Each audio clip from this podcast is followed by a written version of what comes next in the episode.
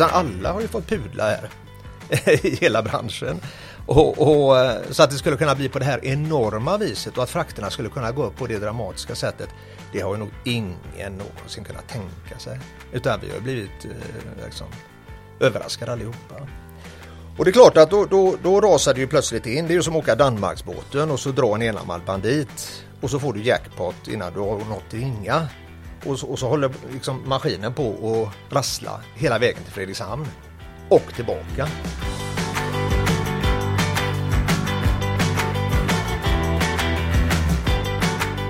Välkommen till Containers and Entertainers, en podcast om logistik med hjärtat i samlastning.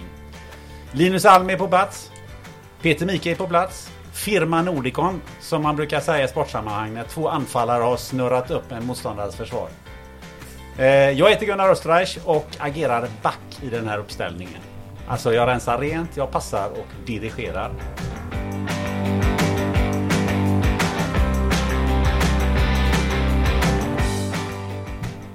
Nu när vi är inne på sport där. Eh, Linus, lyssnarna alltså fullkomligt trängtar och trånar över att höra alla detaljer kring, kring din fysiska uppbyggnadsperiod som du nu har startat. Oj.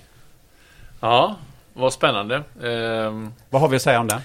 eh, nej, jag, jag, eh, jag har ju varit medlem i gym många, många år naturligtvis. Eh, har jag varit, men jag går inte dit så frekvent. Men i år så tänkte jag nu att nu jädrar, så nu, nu anmälde jag mig till ett nytt gym och eh, tog fem PT-timmar i början. Så nu är jag igång. Nu har jag haft fem PT-timmar där och eh, ska försöka gå en till två gånger i veckan. Var har den, Och så- största, var den största utvecklingen skett? Eh, biceps. jag vet inte vad du menar men... Nej, jag menar rent Ja, fysiskt menar så? alltså. Ja. Nej, eh, alltså jag har inte varit så mycket för att bygga muskler innan egentligen alltså, så jag har mest konditionstränat. Men jag inser ju att eh, man måste lyfta överkroppen lite grann eh, och dra in magen. Så att det är väl, det är väl där någonstans det ligger fokus på. Peter, hur skulle du beskriva eh, hans liksom, delta från det att han började tills att han sitter där nu? Du, utseendemässigt menar du? Nej, du får väl tolka det precis som du vill. Nej, men jag, om man säger en klassisk gammal Coca-Cola-flaska. Du vet, den, den så här så lite, lite, lite smal där uppe och lite bullig där nere och sen så rakt ner där. Liksom. Ja. Det, det är nog Det var ganska smickrande tycker jag. Ja. Ja. Men hur, Bättre det än en Coca-Cola-burk. Det är jag det. ja, då kallar mig mina kompisar, Tunnan. jag är ingen kompis men jag är bara bekanta men eh, nära bekanta. Och, Ja. och de kallar mig Tunnan. För Jag att vet, jag är jag så- vet, jag. Ja, men du har ju tränat öga Peter, för du har ju tränat lite mer än vad, vad Linus har gjort. Alltså hur Några, det några ska timmar vara. till blir det Ja. mer än honom ja. Mm, Men vad är nästa steg efter Coca-Cola-flaskan? För honom. Ja. Eller för att vända på den så att han blir, han blir bred i axlarna och så blir det sm- rakt och ner nervända som-. Ja men det blir som en pyramid, pyramid fast upp och ner. Ja, Det, exakt. det, det är målet. Eh, men jag tänkte om vi lämnar sporten eh, ett slag då. Eh, jag tycker ju att ni har ju tjänat lite pengar på sistone. Men jag, jag, jag märker att ni investerar dem på lite olika sätt. Alltså om man säger så här, Linus köper en stor 300 kvadratmeters kåk med tillhörande vinkällare och orangeri. Alltihopa styrt av sofistikerade IT-lösningar. Som man i och för sig kan hacka. Det har vi ju hört i förra avsnittet då va. Peter å sin sida köper en kajak med manuell hissanordning. Kan, kan, ni, kan ni förklara? Ma- manuell, då menar du med min egen muskelkraft? Och vill ja, alltså jag föreslog ju att det skulle vara någon app till den, men det, det var du inte riktigt med på sist. Ja. Men Nej, vad- det, där är jag. Jag har faktiskt investerat i en sak till nu. Jag har en kindstång som jag har liksom investerat i så att jag har tränat chins hemma.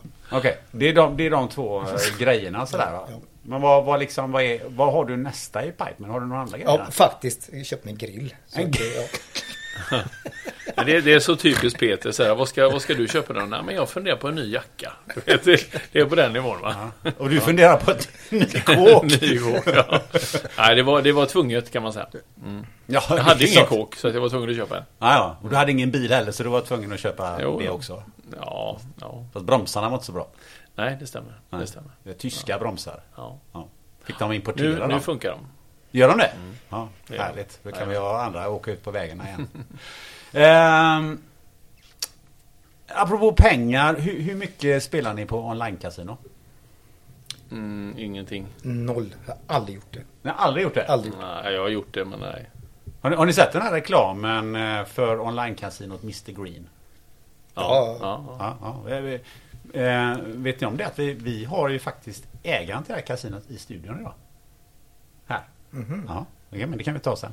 Ehm, eh, nog nåväl, om vi, om vi kastar oss in i logistiksnacket här då va. Ehm, jag funderar lite på, satsar inte ni lite fel när ni satsar på samlastning? Är, är det, eh, borde ni inte liksom starta ett rederi istället? Ja, inte, inte på den tiden i alla fall. Eh, för eh, 20 år sedan då när vi, när vi startade Nordicon, nej. Då skulle vi inte satsat på ett rederi för då eh, Det var nog lite för stora investeringar och för mycket blodfall där eh, i, rederibranschen. Men det är bara nu de senaste, senaste åren som den, den kuttingen har vänt. Så nu, nu känner rederierna väldigt, väldigt bra och tar igen det de förlorat på de senaste 20-30 åren här. Håller du med eh, Linus? Hade du varit sugen på ett rederi? Eh, Peter? nej, det var nog aldrig, det var nog aldrig tanken där men det, så det var våran profession. Det var ju det vi förhoppningsvis kan och kunde och, och brann för i samlastning. Så att eh, det var nog aldrig tanke på det. Men, men det är som du säger, det, det, det, det, var, det var tufft att vara rederiagent eh, i många år. Så det är väl så att det senaste... Men om vi kollar siffrorna här då. Maersk gick från 19 miljarder i vinst till 2020 till 119 miljarder danska kronor för 2021. Tackar, tackar. Vilket är 163 miljarder svenska. Och om man, kollar, om man kollar på det där då så är det så här att om man gör en jämförelse så är det dubbelt så mycket som hela Sveriges försvarsbudget. Apropå Ja, ja. tiderna som vi har nu.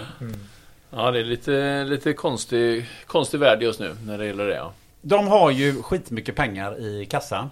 Som vi eh, eh, då eh, har sagt här. Eh, och det är ju därför vi sitter lite grann här idag. Linus, kan, kan du förklara lite vad det är vi ska snacka om idag? Ja, vi ska, vi ska prata lite grann om eh, den situationen som vi har på marknaden nu då, där rederierna går i, eh, i bräschen naturligtvis med eh, fyllda kassa, kassor. Eh, och ehm, eh, kanske det faktum också att man kan se ett visst större intresse eh, att, eh, från rederisidan att komma närmare slutkund och liknande. Och att man på olika håll går lite granna kanske i clinch med de stora logistikföretagen. Då. Och det här är lite granna eh, drakarnas kamp känns det som här. Vem ska gå i bräschen? Ska rederierna bli logistikföretag eller ska logistikföretagen bli rederier? Eh, och eh, det kan man spekulera mycket kring. Så det ska vi eh, djupdyka i idag. Och den som vi ska eh, ha med oss på den här djupdykningen och leda den här djupdykningen det är Lars Gren med två E. Välkommen till eh, Containers Entertainers. Mm, tack så mycket, kul att vara här. Eh, jag ber om ursäkt att jag, att jag skojar med ditt, lite- mitt namn eh, förut. Men, men du sa ju faktiskt eh, häromdagen när vi snackades vid att eh, eh, det var viktigt att den här diskussionen inte skulle bli för stel. Ja, nej, det är riktigt. Så Ja, det är, ett, det är ett tacksamt namn att ha i den här branschen, Ja. just nu i alla fall. Ja. Ja, just nu. Eh, för lättlurade ryssar så ska vi säga då att du äger inte ett online-casino. I alla fall inte, inte det kasinot. Eh, men du var ju chef för, eh, eller en av cheferna för ett rederi som heter NYK. Eh, under många år. Kan du berätta lite om din bakgrund lite snabbt så? Ja, lite snabbt. Ja, den är ju ganska lång men eh, direkt efter skolan så landade jag i ett eh, litet mäklarföretag och började klarera båtar och göra importdokumentation och sen så, eh, ja, gick av bara farten. Vi, jag trillade på ett japanskt rederi som ingen ville pyssla med och det fick jag på mitt bord. Och, eh, Varför ville man inte pyssla med det? Nej, det var för lite komplicerat och det var, det var containers och det var jobbigt och det var mycket inventory control och sådana saker. Så, så det hamnade i min låda på något vis. Och sen så eh, visade det sig att det var inte så litet i rederiet, det var ju världens största rederi. Eh, I antal fartyg och, och plötsligt så eh, fanns det möjlighet att expandera och jag fick en fantastisk resa. Jag träffade på massa vänliga och hjälpsamma människor. Och eh, tog så småningom en kvällsutbildning och så gick det vidare på, på alla konstiga sätt. Och eh, ganska tidigt då så blev jag eh, vd för det här bolaget, märkligt nog. Eh, ganska späd ålder då, vid 29 års ålder. Eh, vilket var alldeles för tidigt naturligtvis. Jag sa upp mig efter ett år. Eh, för jag tyckte att det var för jäkligt att jobba där. Det var, jag jobbade dygnet runt och allt möjligt sådär. Men eh, de fick väl övertala mig eh, efter en flaska vin eller två på en middag tror jag det var. Och Det var så enkelt alltså. och så, så enkelt var det. Och så körde jag i 20 år till. Så det blev 33 år till slut då eh, tillsammans på det här rederiet och det blev i USA och det blev här i Skandinavien och så blev det så småningom som eh Europaansvarig på trade-delen i, i London under ett antal år. Så jag hade en fantastisk resa i det här bolaget. Och då var jag ju med om den här som Linus penslade lite grann, den här resan om att eh, konstant förlora pengar. Varje år förlora pengar. Alltså det var, det var undantag när vi tjänade pengar. Mm. Och det gjorde ju att man eh, hade kniven på strupen precis hela tiden. Sån här cost cutting. Vi skulle dra ner 10% varje år. Och eh, frakterna gick ner och så kom det nytt tonnage och sådär. Var det var, på den tiden var det kanske 28-30 rederier med globala mm. ambitioner. Ehm, Ehm, och eh, ja, då kommer vi väl in på det här lite grann eh, framöver här hur det konsoliderades och så vidare. Men min, min, resa var på det viset i alla fall. Så att eh, det var en jätte, jätterolig och spännande resa. Nu jobbar jag som konsult och, och lärare på Chalmers. Så att jag följer ju industrin ganska nära fortfarande.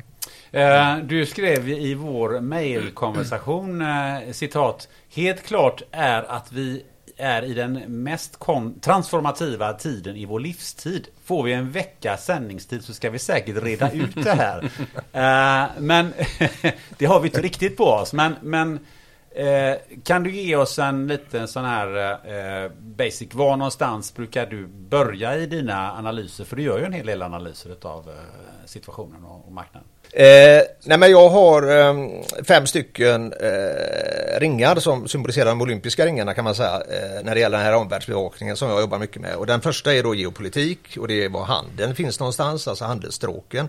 Och den andra är den industriella revolutionen eh, 4.0 då, som är mitt inne i. Och den tredje är den maritima industriella revolutionen för den lite speciell digitaliseringen där. Och den fjärde är hållbarhet, alltså Agenda 2030. Och den femte är då eh, regulation kan du säga, alltså myndigheterna och, och, och, regleringarna runt det här. Så de fem stycken bitarna har jag med mig som pusselbitar. Och så försöker jag göra en helhetsbild på det här. För det är det som är den svåra biten. Eh, det finns många som är liksom specialister på sin egen lilla ruta och sin egen lilla eh, pusselbit. Men att ta in alla fem och göra någonting av det, det, det är ganska krävande. Så att eh, det är väl det jag försöker jobba med. Och hur, hur skulle du vilja beskriva med utgångspunkt från det, den situation som, som vi har idag så vi får en liten backdrop? Ja. Ja, den är ju extrem just nu för att på de här senaste 5-6 veckorna bara så har det på den geopolitiska sidan hänt så mycket så att det, det som vi trodde var konspirationsteorier kanske helt omöjligt för 6-7 veckor sedan är ju en realitet idag. Och, och, vi ser ju för varje dag eh, så att säga den här rysk-kinesiska alliansen komma ut som ett mer, liksom, en mer gestalt och en mer form som tidigare inte fanns där. Och, och, och, och, det är ju extremt dramatiskt. Eh, så att, eh, och sen har vi hela den här teknikutvecklingen som i takt med detta naturligtvis eh, håller på var och en i olika segment att utvecklas jättesnabbt. Vi har hållbarhetsbiten nu, hela fossilfrihetsdelen där, miljö och klimatdelen. Så att mm, alltså vi, vi har nog aldrig varit inne som tror jag mänskligheten på de senaste par hundra åren i den fasen vi är just nu. Mm. Så att, att lägga liksom en, en, tydlig bild av det här, det, det, kan i alla fall inte jag göra. Jag kan bara hjälpa till att försöka identifiera en del pusselbitar som jag tror kan, eh, vi ska ha med oss. Och, och mycket av den tror jag börjar med geopolitiken faktiskt. Mm. Det kommer att bli sådana stora förändringar här. Alltså vi hör bara igår då, vi tror att den här podcasten kommer att, att, att releasas. Men allt det som vi säger här, eller jag säger här, kanske blir aktuellt om två veckor. Men alltså vi, vi har eh, emergency situation i Tyskland va? med ransonering på gassidan, på energisidan. Alltså det kan leda till en ja, eh, inflation och arbetslöshet i Tyskland som vi aldrig har sett. Som är det ekonomiska lokomotivet i Europa. Mm. Alltså plötsligt så har vi eh, pusselbitar och liksom spelöppningar som vi inte hade tidigare. Helt vid sidan av den här industrin. Men den här industrin mm. lever ju på handeln. Alltså vi ska komma ihåg att alla rederierna och samlastningsföretagen de är ju eh, ett resultat av att det finns handel. Finns inte handeln så är det ju game over om vi specificerar oss ner lite grann på, på den situationen som, som vi tecknar lite där med, den här, med de här extrema vinsterna som rederierna har gjort. Var, varför har vi, hur har vi hamnat där på de senaste två åren? Ja, men det är ju, eh, det är ju också ett resultat naturligtvis utav det här eh, containersystemet som vi har byggt upp de senaste 50 åren kan man säga. De senaste 50-60 åren så har ju containern gjort sitt eh, genombrott. Och det har blivit det stora globala eh, transportsystemet i världen. Eh, och, och, nu är det ganska trimmat. Alltså det var ganska trimmat för ett par år sedan. här va? Det var ganska få aktörer kvar. Det fanns inte så mycket fett på kroppen utan det var en effektivitet som hade nåtts då genom resultat av utslagning och konsolidering på marknaden. Och då blir det liksom ett sånt här conveyor belt, vad säger man på svenska? Ett, eh, ja, conveyor mm, belt. Mm, ja. Löpande band. Mm. Eh, som, som liksom spänner över hela eh, globen. Och om det plötsligt går eh, liksom grus i maskineriet där så den stoppar på ena sidan någonstans. Ja, då får det konsekvenser som ett sådant här dominospel rätt över. Och det går långsammare och långsammare och långsammare. Mm. Och fartygen kommer inte in till hamnar. Chaufförerna kan inte köra. Det finns inga terminalarbetare tillgängliga och allt det som händer under den här covid situationen. Mm.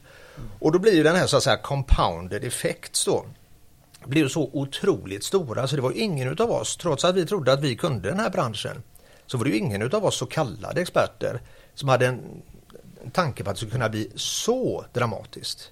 Utan alla har ju fått pudla här i hela branschen. Och, och, eh, så att det skulle kunna bli på det här enorma viset och att frakterna skulle kunna gå upp på det dramatiska sättet. Det har ju nog ingen någonsin kunnat tänka sig. Utan vi har blivit eh, liksom, överraskade allihopa. Mm. Och det är klart att då, då, då rasar det ju plötsligt in. Det är ju som att åka Danmarksbåten och så dra en enarmad bandit. Och så får du jackpot innan du har nått till Inga. Och så, och så håller liksom maskinen på att rassla hela vägen till Fredrikshamn. Och tillbaka. För det är ju det som har hänt då lite grann. så, Bra liknelse. ja. Apropå Mr Green. ja, absolut. Och, och, det är klart att då, då, blir det de här enorma vinsterna. Va? Men då ska man ju komma ihåg att, precis som Linus sa inledningsvis, att Eh, och Peter också att när de startade sin business här var det 30 år sedan. Mm. sånt där? Ja. ja, det är 20 år sedan vi startade Nordicon men ja. jobbat med samlastning i 30-35 år. Ja, visst. Du vet då kanske det fanns en 28-30 rederier som hade globala ambitioner. Idag finns det åtta i princip. 8-9 va? Mm. Och, och, då har du nästan nått ett oligopolläge. Och, och, vi förlorade ju pengar så mycket i det japanska bolaget där jag jobbade. Eh, men ändå fanns det då eh, uthållighet. För vi visste att någon gång kanske vi kommer att hamna i ett oligopolläge. Och den som är kvar i matchen då, va? Mm, då har man hyfsad. Det är som bland mobiltelefontillverkarna och allt det här. Va? Att blir man en 3, 4, 5, 6, 7, 8 stycken då kanske man kan lite grann ha grepp på supply demand. Och det här är bara supply demand som det här handlar om. Men eh, ja, då kan man ju säga att när man, när man väl har eh, hela rederibranschen under ett antal år där var ju omdaning och det här med, med alla sammanslagningar och utslagningar och liknande och så har man då hamnat i det här oligopolläget kan man säga. Och då, det är ju då egentligen covid kickar in. Och ingen kunde ju förutse, som du var inne på Lars, alla de konsekvenserna som blir. Och vi, vi hade ju ett podcastavsnitt där vi pratade om detta bara. Eh, och, och, de här flaskhalsarna som uppstår i världen där det pilar upp eh, containers. Turnaround-tiden av en container i Nordamerika gick ifrån en vecka till, eh, till eh, 90 dagar eller 60 dagar eller 70 dagar eller 80 dagar nu var. Eh, så, så, jag menar, och då står ju containrarna på fel plats och då skapar ju detta en större efterfrågan och tillgång och det är ju då inte rederierna sena med att utnyttja. Men vad man inte kunde se, vad jag definitivt inte kunde förutse, det är att man tog sådana enorma kliv. Att man gick under så kort tid ifrån, säger vi 2000 dollar till, till 20 000 dollar. Alltså en 10 multipel på frakten. Mm. Det kunde ju ingen förutse. Nej. Och var, varför tror du Lars att det blev en sån enorm utväxling på, på sjöfrakterna? Men dels var det väl det här latenta att, att du har liksom eh, Du har suttit och liksom käkat gröt i, i 30 år va? Ja, och så plötsligt så, så, kommer det liksom en eh, oxfilé va? En, en surf and turf va? En oxfilé med hummer. Alltså då är det svårt att gå tillbaka till gröten igen va? Ja, ja. Och då, då, drabbas man lite grann utav hybris, kanske. Va? Ja. Men också märker det att eh, nu är våra möjlighet. Mm. Och vi ska ju komma till det vad rederierna kommer att göra med sina pengar. Mm. Men det tror jag också har spelat in. De, de vet ungefär vad de ska göra med sina pengar nu. Och de vet att det krävs en helvetes massa deg mm. för att göra det som de vill göra. Och då tar man i ordentligt.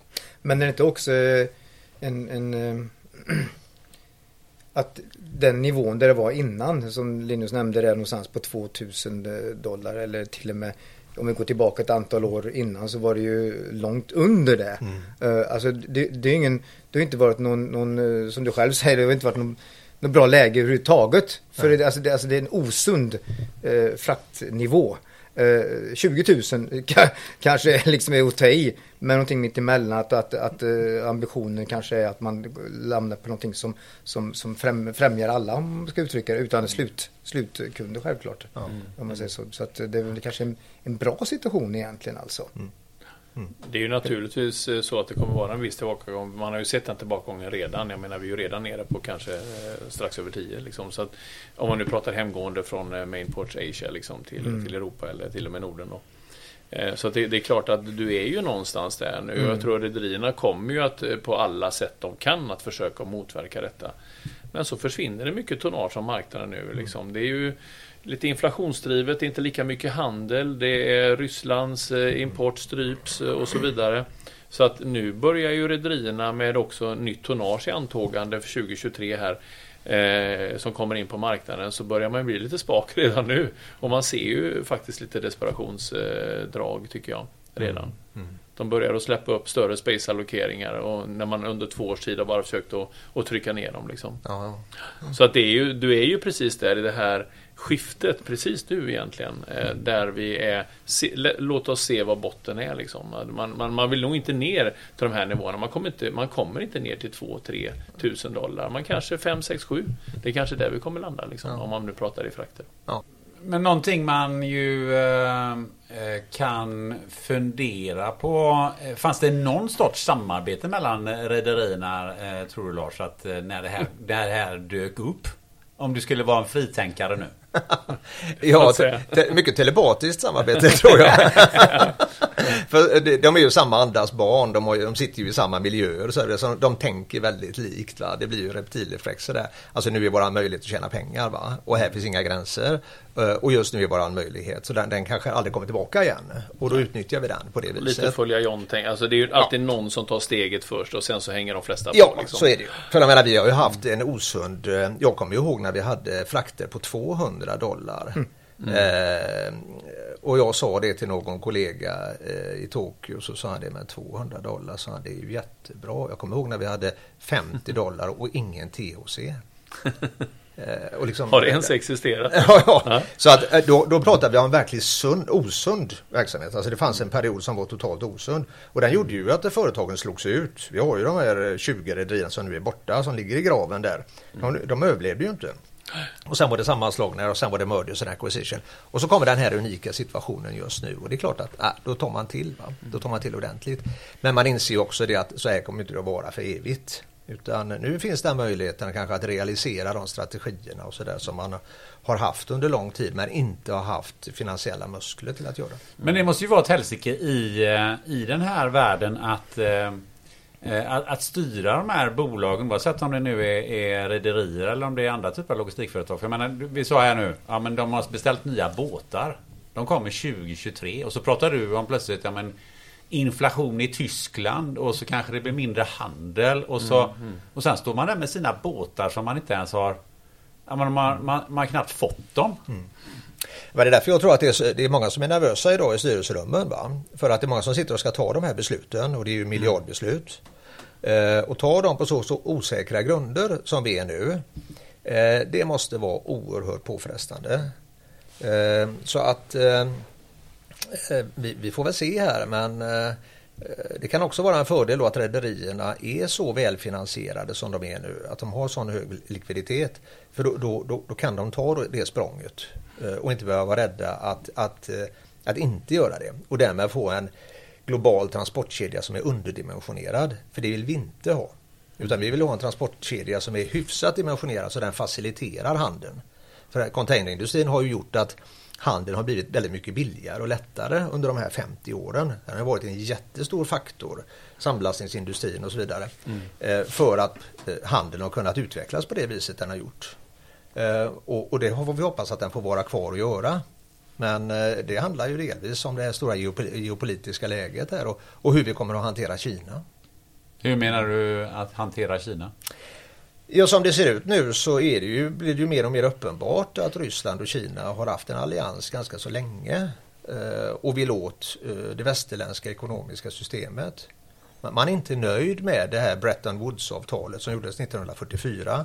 Att dollarn blir nominant och att det finns Världsbanken och Internationella valutafonden och att de ska spela efter väst, västerlandets eh, regler så att säga. Mm. Utan man vill vara med och sätta de reglerna själva. Och därför så utmanar ju det västerländska systemet nu. Och, och eh, att Ryssland gjorde det, eh, det, det trodde vi väl att det kunde vi kunna klara av så att säga. Va?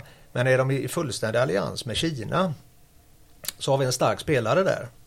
Och, och, och, då riskerar vi att få en situation som gör att de sanktionerna som vi nu har introducerat på Ryssland introducerar vi också på Kina successivt. Och då är det så att då måste vi ju handelsmässigt sett eh, antagligen inse att det kommer att påverka handeln. Mm. Och då har vi en annan supply och demand situation. Och att sitta i ett styrelserum idag och försöka ta de besluten med så osäkra faktorer som vi har flygande runt oss, det måste vara jätteutmanande.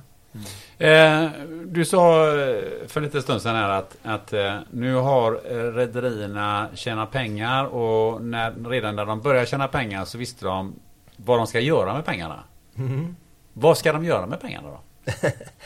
Eh, ja, för det första ska man nog trimma sin balansräkning. För man har ju haft många, många år av förluster. Va? Och, och finanskrisen 2008-2009 resulterade ju i att handeln då gick under 2013-2014 och det blev en hel del vi kallar det för fyra bröllop och en begravning då. För det var ju en del sådana här eh, mergers och så var det en begravning. Ehm, och sedan dess så har man inte riktigt kommit tillbaka i matchen finansiellt. Så att eh, man får börja med att trimma sin balansräkning och det har man nog gjort nu. Sen är det ju så att vi står inför en mänsklig gigantisk utmaning. Nämligen att gå från att vara beroende av, av olja och gas till att få ett fossilfritt samhälle. Och ska då sjöfarten ställa om hela sin eh, infrastruktur eh, så är ju det på det viset att måste vi bygga nya eh, maskiner, alltså motorer, eh, nya fartyg. Eh, vi måste ha ett nytt bränsle. Och vi måste ha en infrastruktur för nytt bränsle. Så hela det här stora globala transportsystemet som har hjälpt handeln under 50-60 år ska nu ställa om. Och det är en enorm kostnad för det. Och det tror jag sjöfarten har sitt största problem för de är, det, det, är man lite naiv. Man tror att man har väldigt bra miljödata och så vidare. Och det, och det har man genom skal, eh, skalfördelar då. När det är mycket stora containerfartyg och man kan dela ut varje liksom, eh, container på, på Eh, miljöförbrukningen på det stora fartyget. Men på lite kortare distanser och så vidare så är det inte så. Så att man har liksom varit eh, man har inte velat, riktigt velat erkänna, tror jag, sjöfarten att man är lite illa ute.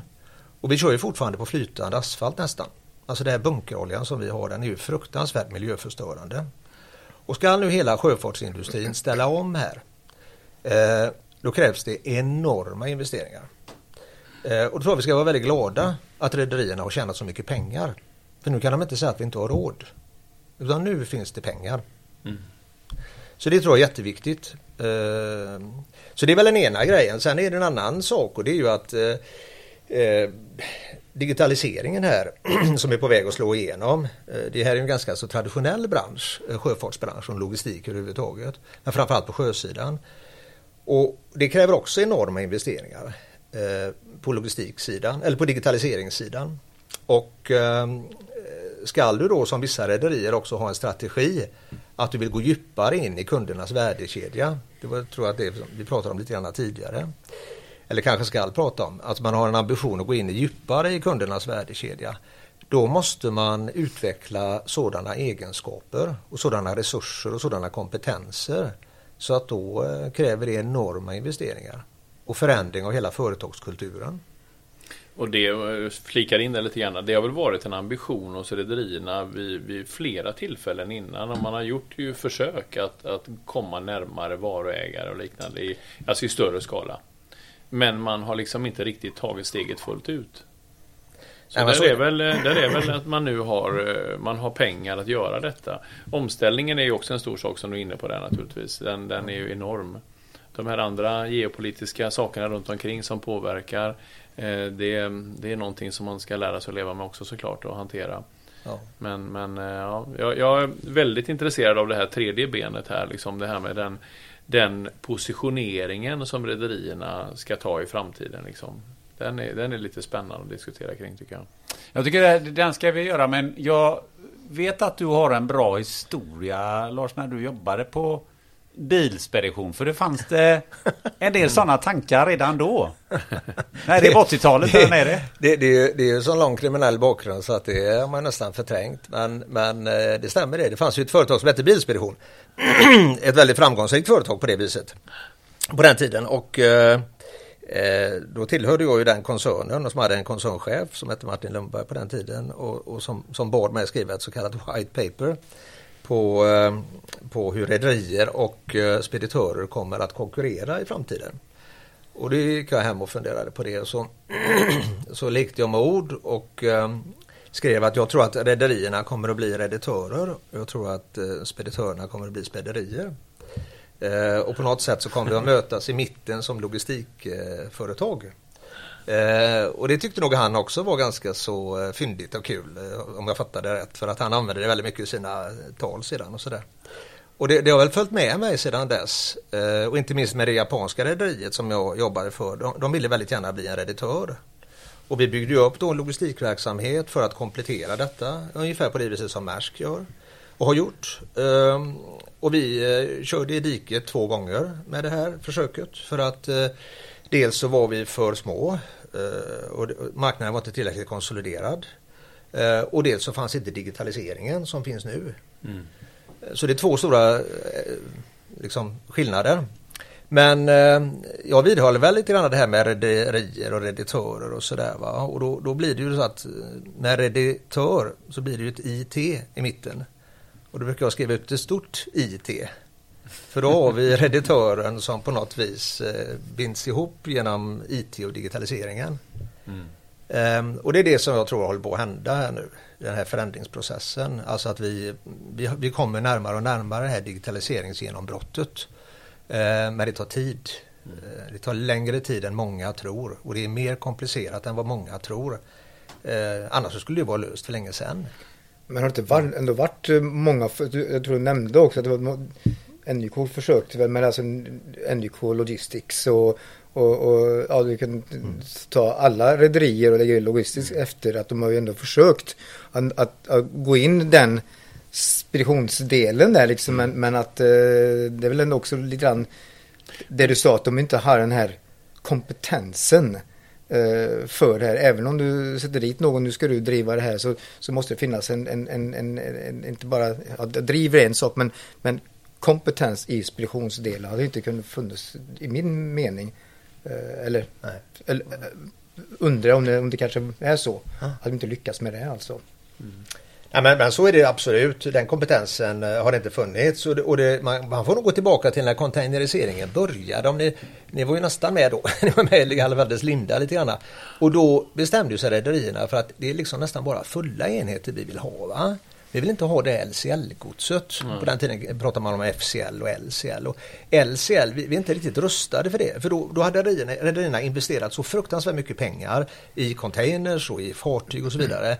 Eh, men de hade inte förmågan att klara av det här, de här små bitarna. I, I, konventionella fartyg innan containeriseringen så mm. stuvade man ju allting i båten. Mm. Blandade man ju hej vilt. Va? Men nu skulle det vara containers och då skulle helst kunden boka en 20-fotare eller en 40-fotare. Gjorde de inte det så var kunden besvärlig. Och då ville man inte ha det här LCL-godset. Och då började ju speditionsverksamheten eh, växa. För då fanns det entreprenörer och innovatörer som säger att de brödsmulorna kan vi gärna ta. Mm. Och, ehm, och det blev inte så små brödsmulor. Det blev ganska många brödsmulor plötsligt. Va? Och då växte de här samlastningsföretagen upp genom att rederierna egentligen sa nej till det. Vi vill inte ha det. Det, det får ni sköta. Sen mm. får ni boka med oss. Ja. Det var en helt ny affärsmöjlighet. En helt ny affärsmöjlighet och då fanns det lite kvickfotade killar mm. eh, mest, men några tjejer kanske också, som, mm. som sa att ja, men det här vill ju vi göra business av. Va? Mm. Och så sitter vi i det här rummet plötsligt. Mm. mm. En framgångssaga med Nordicon. Så det är ju jätteroligt. Men nu liksom så har rederierna börjat eh, lite grann tänka om också att eh, nej, men, eh, de där pengarna vill vi nog gärna tjäna. För, för, för eh, i det segmentet behöver vi inte investera i några fartyg eller några, eh, investerar inte de i fartyg eller i containers. Alltså de har ingen fixed assets utan det är ju liksom personalen och kompetensen. Mm. Men, men, men, kan vi få båda bitarna så kan ju vi göra hela kakan. Det kan göra hela värdekedjan. Mm. Ja, inte bara själva samlastningen men framförallt speditionen och alla kringtjänster och sådana Warehousing, saker. contract logistics, mm. ja, ja. intermodal, you name it. Allting, allting öppnas det då? Ja. Allting. Flygbiten, järnvägsbiten, hela det intermodala fältet och allt detta. Men nu kommer det kompetensen där igen. Alltså det måste, mm. Men nu har de ju pengar för eh, uppköp är, också. Så de sakerna som saknades då, precis som du sa Lars, det är ju liksom, det är ju ITn var ju inte på plats då eh, och den finns nu. Och pengarna kanske inte fanns heller för rederierna förlorade för mycket pengar. Så uthålligheten att genomföra detta fanns inte. Så och med eh, IT och eh, pengar så kan du nästan införskaffa dig kompetens. Mm. mm. Men, men det är mycket riktigt som du är inne på. Rederierna kanske inte har den kompetensen. De har, ju, de, har, de har drivit sin verksamhet på andra sätt och inte vana kanske att serva eh, ska vi säga, slutkunderna, varuägarnas totalbehov. Och då måste man ju ta in den kompetensen. Och det är ju någonstans där vad kommer de använda pengarna till? Mm. Kommer de använda pengarna till att eh, bara anlita rätt kompetens, utbilda dem eller kommer man helt enkelt att gå in och köpa något av de här stora logistikföretagen så man får in hela den infrastrukturen hos sig. Mm. Det är lite grann quick fix kanske. Och det, det, det, man bara går och väntar på den första stora affären eh, när Maersk köper eh, skänker eller någonting. Mm. Vad tror du Lars? Ja, jag har ju själv trott att det skulle kunna bli på det viset. För på den tiden som eh, när jag satt med NUK så hade vi ju eh, uppköpskandidater av den digniteten som vi tittade på. Och ehm, då får jag ju säga det i rättvisans namn då och i ärlighetens namn att eh, det var, det var tur att inte vi lyckades köpa upp dem. För vi hade inte haft den förmågan att göra det som hade varit nödvändigt. Nämligen att behålla kompetensen, att utveckla kompetensen och så vidare. För vi hade inte tillräckligt eh, omfattande ledningsresurser. För det kräver ju väldigt mycket ledningsresurser att ställa om ett företag. Alltså att som har varit van att jobba väldigt mycket med fixed assets och så ska man då jobba också väldigt mycket med eh, kringtjänster och eh, det, det, det, är inte alldeles enkelt och det är inte exakt samma sak. Va? Utan eh, jag tror att, eh, men jag, jag, är lite inne på Linus linje här, att jag tror att några rederier förmodligen kommer att göra några sådana förvärv och har ju gjort också tidigare mm. Och testa vattnet lite mer. Och vi ser ju då på, på Maersk då eh, som, som håller på att utveckla och kommit längst. Och på sätt och vis är det lite roligt för det är ett skandinaviskt företag. De är, ju renodlade nu och jobbar ju bara i stort sett med containersidan. Eh, jag satt på deras kapitalmarknad 2016 när de eh, i Köpenhamn när de annonserade den här strategin och sa det att vi ska bli en ISP, en Integrated Solution Provider. Vi ska inte vara ett rederi längre. Och då skickade jag ett par meddelanden till några Maerskvänner jag känner och säger det här var ju dramatiskt. Va? Alltså, mm. det är fantastiskt. Uh, nej, nej, nej, säger de. Det kommer aldrig att hända. Så inte ens Maersk internt trodde att det här var möjligt. Va? Mm.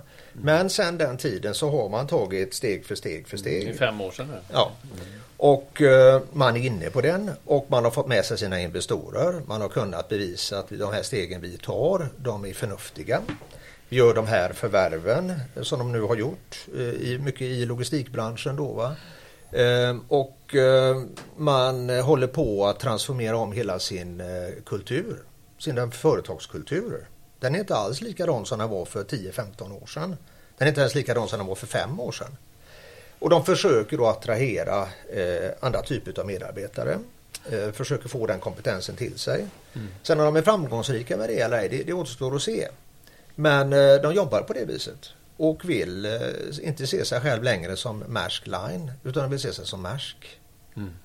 Men eh, finns det inte en risk här för dem att, att 1 plus 1 faktiskt inte blir 2 utan det kanske bara blir 1,7 för sådana där funktioner, för där tankar och sånt har man ju sett förut i, i näringslivet och det har ju inte det har många gånger kostat väldigt, väldigt, väldigt mycket pengar. Därför att man inte har fått eh, människor till att jobba åt samma håll i en sån organisation. Men är det inte mer en långsiktig strategi detta? För det, vi pratar om det här med rederierna eh, som, som under så många år förlorade pengar och man väntade lite grann på den här framtida oligopolsituationen. Är det, inte, är det inte precis detta det handlar om också? Om, om rederier och logistikföretag ska bli ett till mm. slut så är ju det också nästa steg i oligopolsituationen i sådana fall. Mm. Och det är väl där framme som man har en större kontroll både på varuägare och hela logistikkedjan så man verkligen kan kontrollera sin framtid. Mm. Och, så det är väl någonstans i de här långa perspektiven som de ser på detta. I strategiskt eh, syfte och inte bara att den här affären, de här två bolagen omgående måste bli 2 eller 2,5. Fast det är Kanske ju- kan bli 4-5 i framtiden. Liksom. Fast med, med bakgrunden som det vi sa och det som du inledde med. Så, så blir man inte speciellt snabbfotad i en, i en, i en omgivning där, där, där det från ett år till ett annat kan, kan svänga fullständigt ur, ur, ur, när det gäller geopolitik och, och, och så vidare. Hur, hur, hur styr man ett sånt bolag? För det måste bli en koloss. Mm. Där tror jag att du äh, sätter fingret på en väldigt viktig punkt. Hur styr man ett sådant bolag? För det blir, av- det blir, den blir så äh, otroligt dynamisk och så stor, så global. Och man ska då vara inblandad både på äh, de olika transportsätten, alla de fyra olika transportsätten då. Eh, och sen ska man vara inblandad intermodalt, man ska ha terminalverksamhet, man ska ha warehousing, man ska ha alla systemen för detta. Och man ska säkerställa att man får en attraktiv arbetsmiljö som gör att man lockar människor att stanna kvar. Och det är en enorm eh, utmaning. Men de har börjat den resan och man måste ju säga det att de, de tog ju beslutet 2016. Jag vet att 2017 så gjorde de precis det du då nämnde här Gunnar. De ändrade chefernas eh, bonussystem. Så att bonussystemen utbetalades delvis hur samarbetsvillig du var och hur mycket samarbeten du kunde ha internt. Mm. Och det gör man ju för att man ska dra ihop gänget. Man ska jobba alla åt ett håll. I den japanska organisationen jag tillhör var det väldigt mycket infighting. Alltså skydda sina eh, eh, fögderier och sitt eh, varumärke kanske och sådär. Och inte jobba sådär jättemycket med varandra. Men det är ju det som är liksom utmaningen. Det är ju att alla ska jobba eh, tillsammans och, och ett, åt ett håll. Och det krävs ju väldigt bra ledningsförmågor. Ja, för det tycker jag ju låter ju extremt svårt att få människor, att belöna människor eh, hur deras samarbetsförmåga är. Alltså det, det, det så ska du kunna mäta det. Och, och sen ska du belöna dem på något sånt. Det är, lättare att belöna människor på hur mycket de säljer. I kronor och ören. Eh, här, här måste vara extremt svårt det också. Ja, ja, jättesvårt. Men jag, jag följer ju Maersk sen, sen dess att jag började jobba i den här branschen för en herrans massa år sedan. Då. Jag får ju säga det att jag, jag är ju ändå väldigt imponerad utav den handlingskraften och genomförandekraften de har och har haft på senare tid. Ehm, och den eh, kan jag inte se att något annat rederi har just nu. Många rederier, nästan alla rederier utav de här åtta, nio har ju samma strategi. Det är bara det att den inte är präntad. Printad. Eh, eh, och, men de låter ju Maersk tassa först lite grann. Va? Ja. Bana För det kostar mycket att göra fel när man är liksom en eh, first mover. Sen så kommer man att tassa efter det här lite grann. Beroende på hur framgångsrikt eller inte framgångsrikt det här är. Men alltså, fundera på en sak.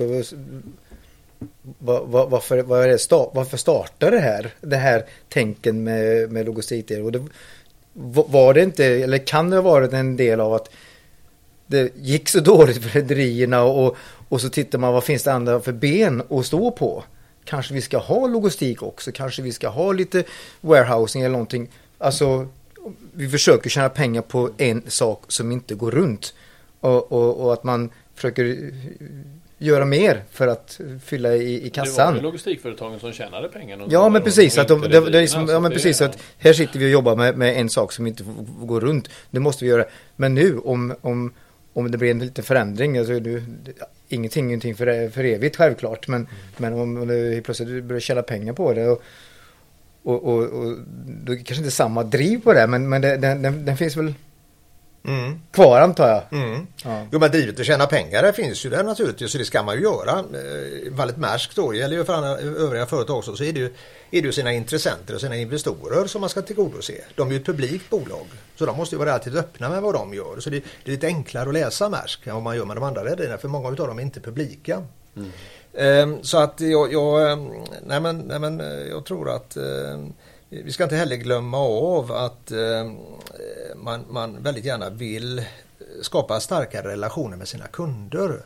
Och ibland så har speditionsbolagen varit ett filter mellan rederiernas eh, kunder som är, ändå är då liksom tillverkande kunderna eller konsumerande kunder. Och där har Speditionerna många gånger gjort ett entreprenörsarbete som har varit fantastiskt bra, de har varit innovatörer och så vidare. Men det har gjort att man inte har lyckats eh, nå hela vägen fram med sina tjänster. Nu i digitaliseringen så händer det att nu kan man plötsligt nå ända in. Man kan jobba med digitaliseringslösningar eh, på ett annat sätt än vad man gjorde tidigare. Och, och, Då märker man ju det att här behöver vi inte ha någon mellanhand emellan. Utan vi kan gå rakt till varuägare och mm. tillverkande industrier. Och det gör ju digitaliseringen. Är, vi lever ju i den tiden nu där resebyråerna, jag menar du har väl inte bokat med någon resebyrå de senaste 20 åren? Nej. Uh, och lite på samma sätt här så har vi digitaliseringen när den bryter igenom fullt ut här. Så är ju risken att då mellanhänderna inte kan försvara sin position för de har inte ett värdeerbjudande som är tillräckligt attraktivt. Mm. Så nu gäller det för den gruppen att liksom vässa pennan va? och se till att bli riktigt attraktiv. Och blir man inte det, då kommer man ut med badvattnet. Mm. det där är ju lite intressant. Jag vet att eh, du Linus har ju nämnt att eh, man i princip försöker köpa sig till kunden, alltså varuägaren idag. Mm. Ja men rederierna har ju en, en unik möjlighet för de sitter ju på tillgångarna. De sitter ju på fartygen och containrarna. Det är de som sitter på fraktsättningen och, och har hela kontrollen på kostnadsstrukturen de har ju möjlighet att i ett läge när frakten kostar 15 000 dollar hemifrån ifrån Asien att gå direkt till varuägaren och säga, vet du vad, gör ett treårsavtal med oss här så får du det för sju. Eh, och det är klart att det, det, de har ju någon form av window of opportunity här, liksom, när frakterna är så höga. Eh, att ta den här eh, approachen eller, eller marknadsinriktningen, liksom att komma åt slutkunden och varuägarna. Och, Eh, det, det, är ju en, en, maktposition som, som du inte har när båtarna går med för låg eh, fyllnadsgrad och, och rederierna tjänar pengar, eller förlorar pengar. Så att det är ju ett unikt läge nu som aldrig har varit innan. Och här, eh, det känns ju som att det här läget, det här kommer de ta. De kommer gå för detta nu och då kommer de i sådana fall gå i clinch med sina stora kunder. De stora globala logistikföretagen som supportar så många miljoner TUs in till rederierna.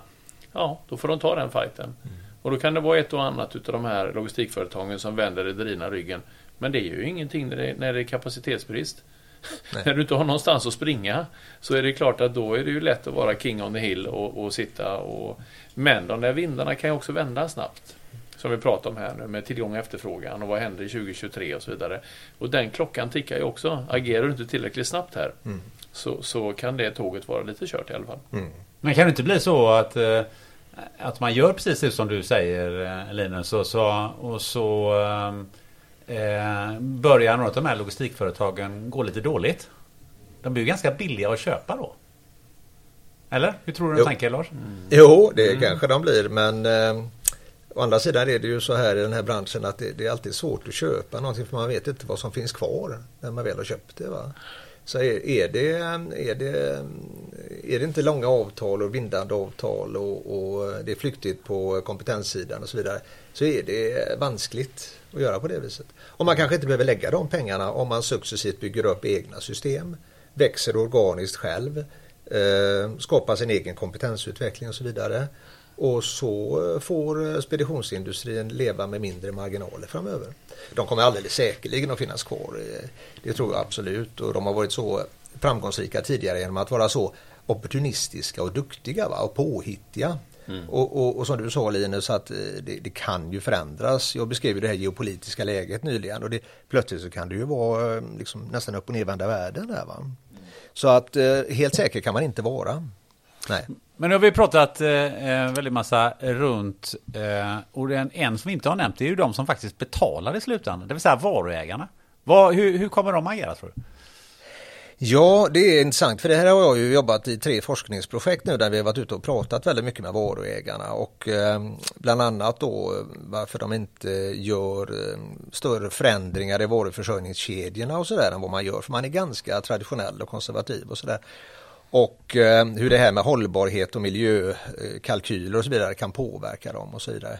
Ehm, och där tror jag ju att varuägarna här nu kommer att, eh, och det håller på att ändra, ändra sig kapitalt tror jag. För att det som har hänt med eh, framförallt covid men också med Evergiven naturligtvis var ju att det som vi har försökt under många år propagera till världen och säga att vi, vi gör en viktig sak, nämligen transporterar vår handel den kommer ju till köksbordet, den kommer ju till tv-nyheterna. Alltså här står Joe Biden och, och håller ett 40 minuter långt tal till nationen och världen om varuförsörjningskedjor i eh, USA. Och, och, och, och, säger att Long Beach och Los Angeles Port ska jobba 24-7 och så vidare för att ni ska få mat på hyllorna i Walmart och allt detta. Alltså det, det är ju helt dramatiskt. Det har mm. aldrig hänt någonsin i tiden att, att någon har lyft upp logistiken och varuförsörjningskedjan på detta viset. Men nu är det ju på ledningsnivå, nu är det på koncernchefsnivå, nu är det på styrelsenivå, nu är det på ägarnivå. Och nu måste man liksom eh, syna det kortet. Man måste titta mm. över sina varuförsörjningskedjor. Alternativ till dem, risktagandet. Och jag tror att varje varuägare måste anamma en slags varuförsörjningsfilosofi. Som är, som är liksom grundad hos ägarna i toppen. Eh, att det här vill vi åstadkomma och det här vill vi inte göra. Exempelvis. Va? Eh, då när jag började som säljare i det här japanska bolaget så minns jag var besökte då eh, något japanskt bolag som sa att eh, jag, jag, kan inte, du har ett jättebra erbjudande men jag kan inte boka med dig för att vi har redan 30% av våran last med japanska rederier. Och våran policy i det här bolaget är 30% japanska rederier, 40 då några andra rederier och så resterande övriga. Så jag får inte, mm. logistikchefen sa jag kan inte göra något annat. Det är mina chefer, mina ägare som har satt den policyn. Och den kan jag inte gå utanför. Och jag tror att det kommer att komma någon form av eh, höjd status utav det här med varuförsörjningsaspekten. Den kommer bli viktigare och viktigare. Mm. Och jag tror man också kom, måste allokera mer resurser till logistikavdelningarna. För mm. de sitter och är underbemannade.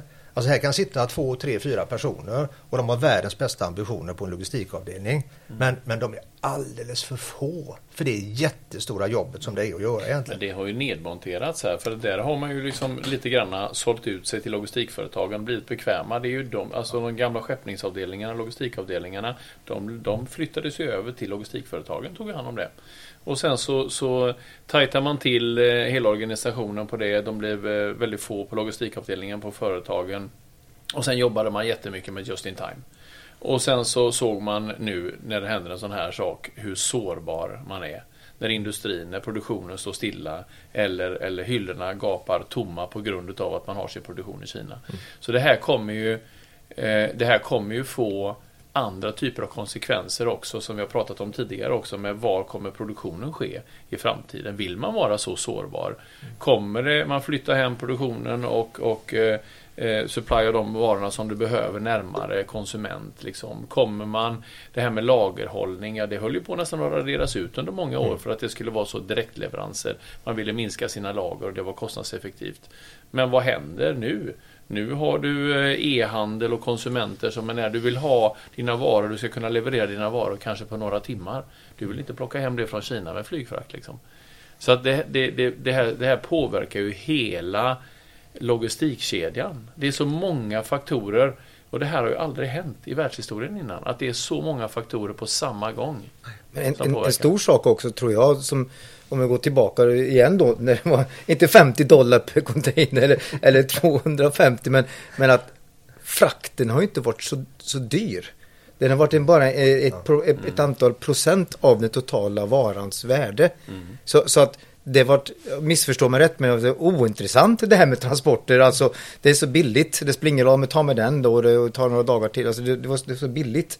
Men nu om det, om det blir en en fördyrande process och även om låt säga att man tar bort produ produk alltså produktionen från Kina och lägger det mer närmare Europa då blir det också en fördyrande del av, av, av, av hela produkten. Alltså, så, det, så det är som du säger att, att för, för det du sa Lindsay, då har jag uppfattat också att kompetensen hos många, alltså kanske majoriteten av, av godsexportörer och importörer, att det inte finns där de själva transporterna för att mm. de har flyttats över till speditionsföretag och så, alltså ja, logistikföretag. Så, så, att, så att det, ja.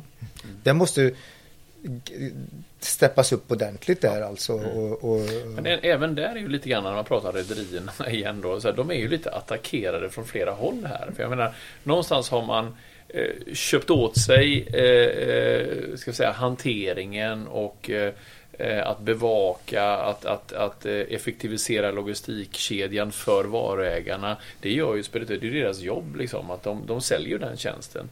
Eh, och, så, och dels så kanske då blir det tillbakaflyttning, att varuägarna ska stärka upp sin egen kompetens. Sen har man då eh, eh rederierna som, som hugger från, från den sidan och ska åt varuägarna. Och sen har du inte minst, som vi också pratat om tidigare, som, som du var inne på där Peter, med, med, med eh, helautomatiserade IT-lösningar. Så, att, så och det kommer ju också från den sidan. Naven till exempel. Ja, Naven och de här bolagen som, som, som kommer med sina lösningar som är extremt asset light. Liksom. De, de, allting ska helautomatiseras. Eh, och, och det är ju också en del i den här IT-utvecklingen. Liksom, att där har du ytterligare en, nu är det kanske i sin linda ska man säga, det är inte så att det har exploderat eh, hittills men, men de börjar ju äta sig in Mm. på marknaden, även de, den typen av bolag. Så att säga. Absolut. Så att där är ju logistikföretagens eh, framtid är ju ganska utsatt kan man säga på många sätt. Mm. Ja, det, det, Ja, men, men det har vi sagt, det har vi sprungit omkring eh, på barrikader i många år och sagt IT, IT, IT. Ni måste investera i det här, ni måste vara med på det här tåget. Mm. Men, men, men att öppna plånboken har varit väldigt svårt i många fall. Men nu tror jag att många är tvingade att göra det. Alltså, Mm. och, och förstå vad det handlar om och var man ska gå och hur man ska göra. Alltså det, så är det ju. Men eh, en sak jag funderar på är vad, vad kommer varuägarna att eh, säga mm, mm, om det skulle gå åt det hållet till exempel att eh, eh, sådana bolag som Maersk och så vidare har, har direkt kontakt med varuägarna och så erbjuder de hela, hela kedjan eh, och alltihopa kring logistik och så är man fem bolag som gör det. Ehm, Jag då hamnar vi oss i en oligopol slash monopol eh, situation. Vad, vad kommer varuägarna att säga och framförallt vad kommer myndigheten att säga? Alltså eh, lite intressant är det att titta på eh, integratörerna då. Som man kallar för alltså, paket, på paketsidan när man gör en jämförelse där. Med, med Fedex och UP, UPS och eh, DHL. Det är ju tre aktörer som under ganska lång tid har liksom eh, mutat in det området. Och de har ju ett riktigt oligopol. De, de äger sina assets, sina bilar, sina fartyg. De äger sina system. Eh, de, de gör allting själva nästan. Va? De har höga barriers to entry. Det är ingen som har gett sig på att försöka komma in där. Ehm, man kan väl tänka sig att man kan få en liknande utveckling på eh, rederisidan. Eh, Om de här nu lyckas med sina strategier så ska man ju tänka sig att ett par av de här rederierna blir mer utav integratörer. Fast de kommer från sjösidan, kanske. Men det är ett väldigt, väldigt stort eh, jobb och lång resa de har att göra. Eh, Men och tidigare så var bristen på kapital och pengar eh, en av orsakerna. Och den finns ju då kanske inte riktigt, riktigt lika mycket längre. Och så har vi digitaliseringen som förändrar väldigt mycket. Det kommer in startupbolag, det kommer in innovatörer och så vidare. På samma sätt som spedition, speditörerna och samlastningsbolagen kom in för 30 år sedan så kommer det in små och smarta bolag här. Och, och kanske sådana som kan ta lite plats. Eller så blir de uppköpta utav de här aktörerna som nu eh, är väldigt aktiva på uppköpssidan utav IT-bolag, alltså startupbolag. Eh, alltså Maersk Growth då som är där och köper hela tiden bolag och eh, franska bolag som köper, tyska bolag som köper och så vidare. För att säkerställa att de är på the cutting edge på digitalsidan. Finns det, finns det en viss rädsla bland eh, de här stora aktörerna att myndigheter kommer att börja fundera på eh, att man vill stoppa alltså sammanslagningar till exempel? Ja, men alltså det tror jag är den riktigt stora faran som man har idag. Man, man är riktigt rädda att myndigheterna kommer att gå in eh, och säga att eh, ni ehm, eh, den är inte samhällsfarlig men den är av sådan karaktär att den inte kan utövas utan vissa begränsningar. Eh, och att man då börjar titta på sådana här Shipping Act i USA som man redan har börjat göra exempelvis Konkurrensmyndigheten i Kina, Eh, DG4 i Bryssel och så vidare. Och det tror jag är den mardrömmen för de här rederierna. För skulle de gå in och börja eh, göra en myndighetsutövning på det här och säga att eh, ni, ni är för viktiga för handeln. Ni är för viktiga så ni, ni kan inte få samarbeta på det viset. Era allianser som ni har nu kan inte få lov att vara på det sättet. För det har visat sig att det finns negativa konsekvenser i samhället. Det skulle vara förödande. Och därför tror jag man är väldigt försiktig på det området. Eh, och, och tassar väldigt, väldigt försiktigt. Eh, och inte gör de här stora dragen innan man har verkligen sonderat att det inte blir några konsekvenser. För det, är- det är ju liksom nästa ska säga, nästa steg i den där oligopolsituationen verkligen. Alltså bara det att rederierna gick samman i sina allianser och de var ju under översyn av en massa kommissioner och, och så vidare. Eh, nästa steg är det ju att, att eh, rederierna blir reditörer som du säger då. Eh, och att de blir, det blir ett antal stora. Det är ju en ännu mera utsatt situation för konkurrens och prissättning och liknande. Ja. Så den, den, eh, den kommer ju att synas av myndigheter och kommissioner runt om i världen såklart. Så den är ju svår, den måste vara otroligt svår att tolka. Och där har ju Joe Biden varit ute nu bara de senaste veckorna och gjort kommentarer som har plockats upp utav eh, World Shipping Council då som är rederiernas organ så att säga och, eh, med, med, och fått väldigt starka reaktioner. Väldigt starka reaktioner. Alltså rör inte eh, min kompis, rör inte det här området för att låt marknadskrafterna få vara här. För att eh, får inte marknadskrafterna vara här så kan inte vi locka till oss investorer. För investerarna vill veta att det finns en stabilitet i det här. Va? Ska ni gå in och peta i detta så är det, sänder det signaler till våra investorer och då kommer vi inte kunna utveckla de här, eh, facilitera de här tjänsterna längre. Så det är ett eh, ganska stort spel som håller på. Politiskt spel, ja. Ja. Ett annat spel eh, som vi kan eh, och naturligtvis ska diskutera eh, kring som är ju särskilt intressant för, för eh, Linus och Peter här. Eh, jag vet att vi, vi var inne på det här med samlastning när vi eh, hade ett litet försnack eh, du och jag Lars. Och då, då, då, då sa du ett, ett annat citat. Så att, Tiden med höga marginaler är slut. När det gäller samlastning. Ja, ja, ja, Jag har jag precis börjat du. Vad fan snackar du om? Ja, det var därför han har köpt hus. Har den, har den tiden börjat? Ja, det är Jag bara, det är kajaker och kanoter Det är och jag- grejer och det är därför sådär. jag- De blir ju jag- fan ute och köper upp Ja, det är allting. därför jag lutar lite åt Peter här. Liksom. Att ja, det är nog ganska smart att köpa sig en kajak med lite man, manuell, hissanordning. Precis. Eh, Eller, eller, eller, eller manuell. Manuell som upp och ner. Ja, ja, just det. Ja, precis. Ja, nej, men, nej, men för att utveckla det här lite grann. Eh, om vi säger så här då. Eh, om vi inte är så drastiska då. Om vi säger så här. Hur, hur, hur ser du, om du tittar i kristallkulan. Hur ser du samlastarnas roll och var har de möjligheter och var finns hoten? Ja, det. Eh, jag tycker inte jag har så bra överblick över samlastarnas marknadsposition idag måste jag säga. Den har ju också blivit konsoliderad, så mycket vet jag ju. Och eh, det är klart att eh, om vi inte har de här, den här enorma fraktcykeln som går upp och ner på det här viset som den har gjort de tidigare 30 åren. För då var det ju ändå så att då, då, då, då, i en, cyklisk marknad så här finns det ju möjligheter att skaffa sig marginaler som ibland är, är ganska onormala. Eh, och man kan också förlora pengar eh, rejält ordentligt. Och det visar ju rederierna inte minst då. Eh, så jag tror att det går mot en, en, en mer stabil nivå. Jag tror att transparensen i det här kommer att fortsätta. Jag tror att eh, digitaliseringen kommer att göra att eh, många varuägare kommer att ha lättare att plocka in jämförelsematerial och så vidare. Och jag tror att rederierna kanske kommer att, att jobba sig in i det här segmentet lite grann framöver beroende på nu hur deras strategier kommer att gå. Ehm, jag är inte helt, det är inte helt otänkbart att en aktör som, som Amazon som, som redan håller på med samlastning. De gör ju samlastning idag. De är väl det största samlastningsbolaget Mm. ehm, i världen. Att de skulle kunna utveckla den här eh, typen av tjänster. Va? Eh, Det känns snarare rimligare att Amazon gör det än att ett stort rederi gör det. Ehm, Så att, eh, men jag, tror att marginal, de riktigt stora marginalerna där kanske inte längre eh, kommer att finnas. Men eh, oj, jag har haft fel många gånger tidigare. de kanske borde köpa nya kajaker och hus. Kommentarer på det Peter? Nej, ja, my, seal, my lips are sealed.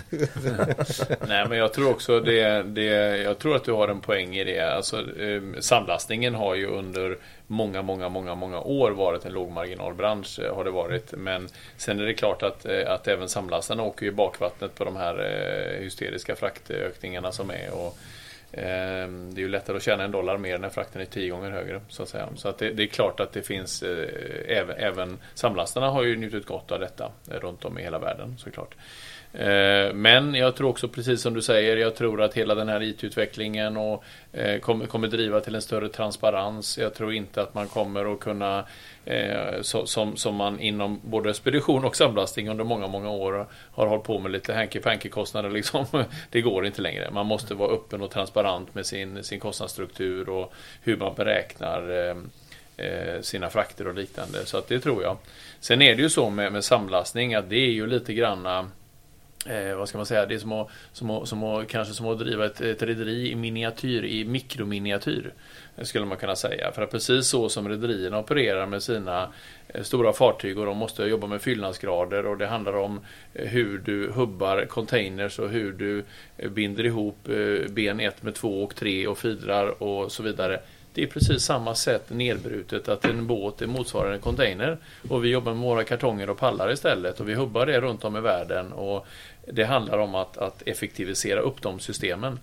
Eh, så att där ligger ju samlastarnas styrka är att man har inoljande fungerande system och man har volym att sätta i dem. Eh, så, att, eh, så även kan man säga stora, stora speditionsbolag, de kör ju redan idag väldigt stor andel av sina, sitt styckegods i sina egna system. Men där kommer ju de neutrala samlastarna in som, som, som ett skyddsnät och tar hand om allt over underflow och liknande. Och det är inga små volymer vi pratar om. Så, att, eh, så jag, jag tror att eh, eh, om vi bara touchar det då med som du, som den frågan du väcker Gunnar, så tror jag ju att, att samlastarna går en väldigt ljus framtid till mötes. För att jag tror vi kommer att flytta mer småpartier över hela världen.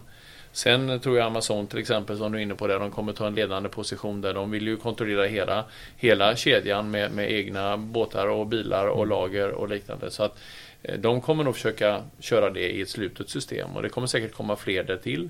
Men på vägen, när många andra likt Amazon ska försöka ta upp kampen med dem, så kommer de behöva någon extern eh, eh, ja, logistikföretag, samlastningsbolag eller liknande för att kunna hantera detta.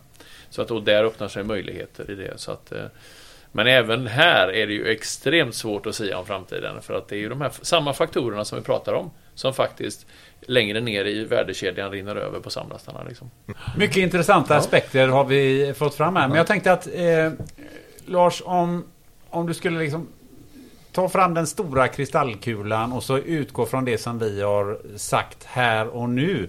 Om du skulle vilja skicka med lyssnarna några grejer som så här tror jag att det skulle kunna bli. Det här är liksom huvudscenarierna som du ser idag. Du har redan eh, sagt en gång att jag kan ha fel. Eh, jag har haft fel. Eh, och det kan du få ha en, en gång till. Minne som hänger dig för det. Men, men eh, det är ändå ganska intressant att, att, att höra eh, från din sida. Vad tror du är huvudspåren i det här som den här utvecklingen som vi ser närmaste fem åren? Ja du, eh, jag tror ju tyvärr att eh, jag tror ju tyvärr att vi kommer att ha det här stora maktspelet mellan väst och öst då. Eh, som dominerande vad ska vi säga, faktor hängande över oss. Eh, som gör att eh, jag tror att handeln med Kina och omvärlden kommer att eh, eh omvärderas. Eh, och Eh, där jag tror att i många svenska och jag vet definitivt i eh, många danska bolag idag så, så sitter man och tittar på planer att försöka göra sig mindre eller inte alls beroende utav Kina. Och det är inte så enkelt att göra det. Eh, för vi är mer knutna till dem kanske än vad vi är till den ryska oljan egentligen, ryska energin. Så jag tror att det där är ett väldigt, väldigt stort område. Men det, det kommer i så fall att prägla de här fem åren väldigt mycket. Och var kommer då handeln och produktionen att landa någonstans? Och det tror jag är minst lika svårt att säga för att eh, då får du nästan gå på företag till företag eller sektor till sektor för att kunna avgöra det. Eh, så där har du en jättestor sak. Sedan så tror jag ju att eh, digitaliseringen här kommer att fortsätta. Eh, men jag tror att vi måste tänka oss för med den här cybersecurity. Jag vet att ni hade haft en podcast och den var väldigt bra, tycker jag, väldigt bra timing på det. Jag har inte lyssnat på programmet ännu men jag har förstått att det var bra. Och eh, jag tror att det är en jättestor faktor som gör att vi får tänka till. Vi kan inte göra oss av med hela kontantsystemet nästan som vi gjort i Sverige eh, och bara gå på kreditkort. För rätt som det så smäller det och, och då måste vi ha alternativ. Det får vi tänka oss för. Men ändå så tror jag då att digitaliseringen kommer att eh, tugga på. Den, den är ofrånkomlig och den kommer leda till effektivitetsförbättringar. Ehm, så tror jag också att ehm, den här ehm, Agenda 2030 då, den, den, har kommit så långt nu så vi har sett de stora ledande företagen verkligen förändra sitt beteende. Eh, så jag tror att hållbarhets, eh, även om vi kommer då bli, få ett, ta ett steg bakåt nu kanske med det här med eh, både kol och, och, och gas och olja och så vidare. Så tror jag att hållbarhetsbiten kommer att fortsätta ha sin förändringskraft i logistiksamhället. Ehm, och kanske påverka det också utav eh, myndigheterna som jag tror kommer att implementera starkare styrning eh, på marknaden. Och det är ingenting som jag välkomnar på något vis men jag tror att det kommer att hända. Så det var väl sådär lite halvflummigt svar för vad kommer det att innebära egentligen och det, det är extremt svårt att säga. Men de här, om vi ska gå tillbaka till de här rederierna och deras möjligheter att påverka transportlandskapet så tror jag att eh, eh det kommer att eh, de kommer att bli ännu starkare och ännu större och ännu mer betydelsefulla. Eh, de kommer att sätta sina spår i eh, standardisering, både på den digitaliserade sidan och på andra, sidor, andra sätt. Autonoma fartyg, autonoma farkoster och så vidare. Så jag tror att eh, de här rederierna som nu har tjänat så mycket pengar, de kommer att bli ännu starkare och större pjäser framöver. Men de kommer nog inte att utvecklas, tror jag, i grupp, utan väldigt individuellt i den takt och förmåga som de har. Och som jag tror kommer att ha väldigt mycket att göra med, som du såg Gunnar tidigare, Eh, ledningsförmåga.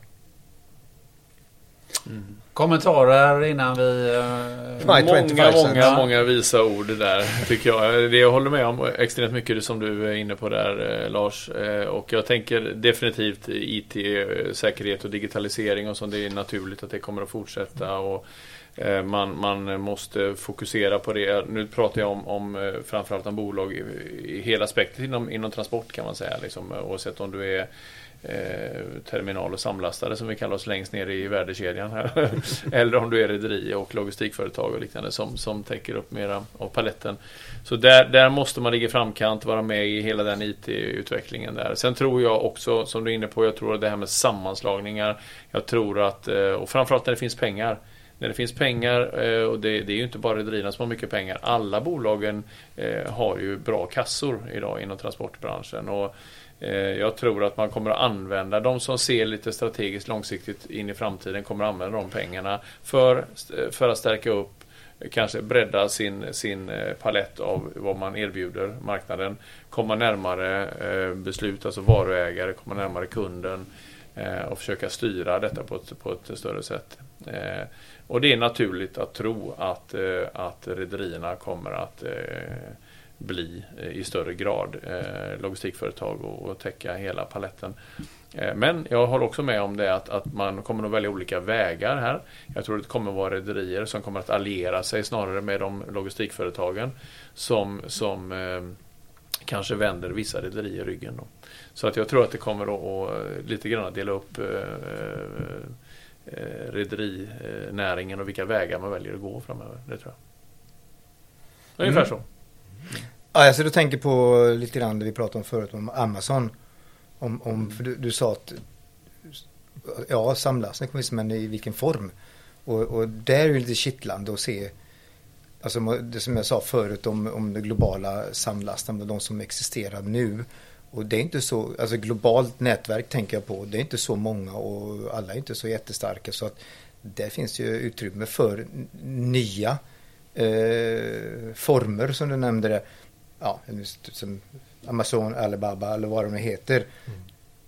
Där finns det några öppningar, där är intressant. Och så tänker jag på en annan sak och det är att jag har investerat i en kajak. Men jag kanske ska investera i en terminal någonstans nära Göteborg här. Så det kan vara någonting kanske. Kanske gå, alltså steppa upp lite grann från kajak till terminal. Nu snackar vi liksom. Ja, kom igen! Vi, och, nu jävlar Och då snackar vi inte 300 kvadratmeter nu kör vi här. Som, som, som Linus kör. Utan här snackar vi 300 000 kvadratmeter. Ja. Men, ja. men vad, vad, vad, vi har ju en terminal. Men jag? Ja, du själv ja. ska köpa en terminal. Ja, men Nordic har väl ingen kajak? Det är jag som är kajak. Ja, ja sorry, sorry. Ja. Okay. Ja. Köp en terminal du. Gör det. Eller, ja. Det låter jäkligt bra och då tycker jag att vi har tagit oss ner eh, till de här lite mer jordnära ämnena. Och mm. det, det, är ju två ämnen som vi, som vi inte riktigt har berört ännu. Och det är ju naturligtvis då ehm, boxvin och chips. Ja, jag undrar vad ölen var. Och då, då, då eh, tänker jag så här att eh, Peter, eh, vårens boxvin, vad, vad, vad är det? Vilket är det? Jo, eh, det, då kommer det ett väldigt fint eh, maskrosvin. Så kommer det till våren här. Är det rött? Ja, ja det är gult är det. Nej. Nej, jag, jag har dålig koll på faktiskt eh, vad som eh, erbjuds nu på eh, lådboxfronten faktiskt. Okej, Det- då kan jag säga så här att det finns ett Masi Modello eh, Trevenetie. Men Masi, det är min, det är min Ja, bag Ja, alltså. det är 269 faktiskt alltså. Det trycker jag i ett par flaskor per helg alltså. Det lovar jag. Flaskor? Jajamän. Oj! Nej. Boxar menar jag, förlåt. Ja, du, du var, var, var det jag tänkte så här. Men, eh, och sen eh, eh, chipsfrågan, eh, avsnittets chipsfråga. Det är liksom, vad är vårens chips att avnysa på altanen? Varför får Peter vinfrågan och jag chipsfrågan? Ja, det, det får du, det kan, det kan, det kan, du fundera på, kan ju lyssna på några tidigare avsnitt. Ja, Nej, jag håller fast vid klassikerna. Grill och dill och gräslök. De, de är, inga, inte de här nya. Man testar dem en gång, eh, två gånger, så här, sen är de inte roliga längre. Så jag går tillbaka till ursprunget. Mm, men jag tycker faktiskt att du ska jacka upp det lite, eh, Linus. Jaha.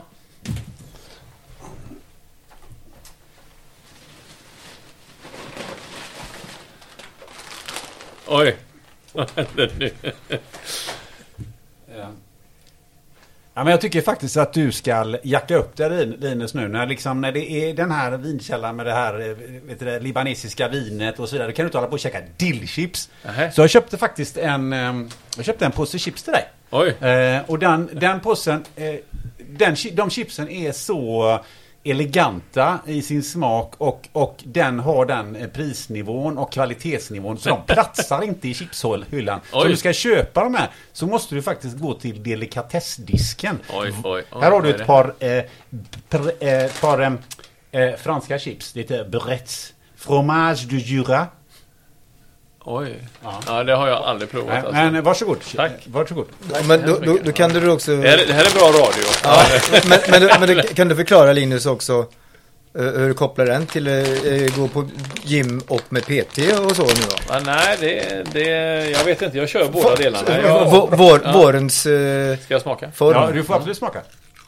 Så, så smakar det. Så låter det när Linus smakar på chips. Ja, det smakar lite typ appensaler eller comté eller någonting som man har smetat in de här chipsen i. Väldigt goda. Vill ni smaka? Jag, jag, Tack Jonna, det var trevligt. Ja. jag, jag tror det blir ett bad i skymningen eller i vassar även i år. Om man ska käka sådana där menar jag. Ja. I vassar. Det där får du förklara. Insjöar. Insjöar alltså. Mm, Ja, men eh, man, Ett man har inte tänkt på det att när man kanske någon, jag säger inte jag, men någon som kanske inte har eh, trimmat upp sig så mycket till bad, badsäsong och så badar man gärna när det blir mörkt. Eller om det finns en vass någonstans. Alltså, Okej, så så det är mörka insjöbad, det är det som kommer att bli Ja, sommarens det blir, hit. ja, exakt. Om man ja. käkar de här chipsen. ja. Mycket. Så, sa jag att jag har spelat hockey i Frölunda?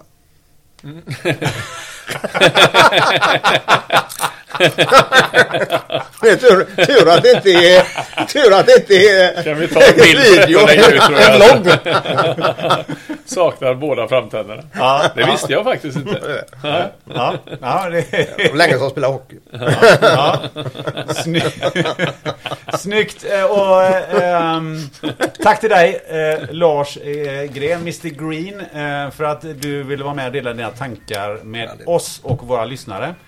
Ehm, tack Linus. Eh, vad brukar eh, du säga? Eh, Ja, det enda som kom på mitt huvud är bara jag ska säga tack så hemskt mycket Lars. För det var otroligt trevligt Ja. att du var med här och väldigt lärorikt. Så tack så mycket för det. Och sen brukar Vad du brukar säga, jag säga? Ja men hej då, brukar du säga. Jaha, hej då. Ha det bra. Trevlig sommar. Frisk sommar. Nej, nej, trevlig Det är, några, vår. det är några avsnitt kvar. Eh, och tack Peter. Och vad brukar du säga? Tackar, tackar. Ja, och så brukar du säga något annat. Och att det är gött. Precis. Och tack för mig och tack till dig som har lyssnat. Hej då!